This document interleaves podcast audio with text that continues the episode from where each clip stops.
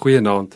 Daar was jare gelede 'n studie wat die belangrikheid van heininge bepaal het op kinders se lewe en se kreatiwiteit, se vryheid, geluk en spel. En hulle het kinders se gedrag gemonitor oral op die speelterrein waar die heining was rondom die speelterrein. Hulle het tot in die hoekies gespeel en hulle die heininge plek plek getoets, maar vrolik die hele terrein geniet. Toe het hulle die heininge weggeneem En sommige mense het verwag dat die kinders nou ver verby die heininge se merke gaan beweeg na buite die gebied maar daar was 'n vreemde gebeurtenis wat afgespeel het. Die kinders het by die ingang gebly, styf teen die geboue en rondom die geboue en net op die speelgoed, maar glad nie oral so vry rond beweeg nie.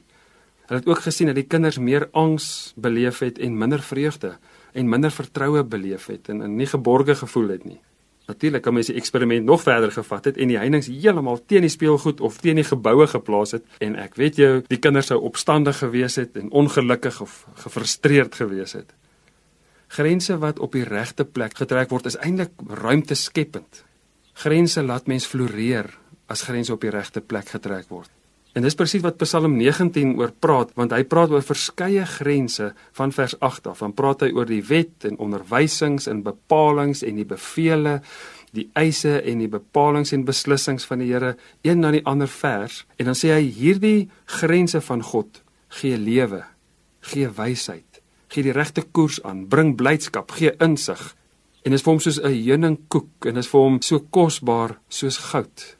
Die grense wat God vir ons stel, is nie soos 'n gevaarlike waghond wat jou wil opvreet nie, maar is soos gitsonde wat jou na die lewe lei. En daarom is dit nodig dat ons ook eerlik oop moet wees en die uitnodigings van God moet hoor om binne die grense te bly sodat ons floreerende lewens kan hê. Maar ons word ook genooi om dan self gesonde grense te trek. Ons sien dit ook in Jesus se lewe, hoe hy gereeld sekere grense trek om die gawes wat God vir hom gegee het te beskerm.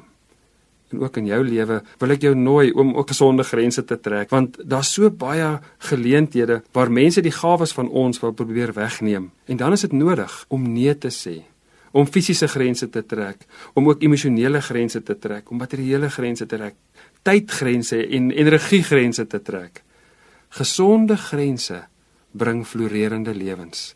Die grense wat God gee, maar ook die grense wat jy trek. Kom ons bid saam.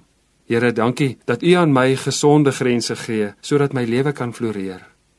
Maar help my ook met wysheid om gesonde grense te trek sodat die gawes wat U aan my gegee het ook kan floreer. Amen.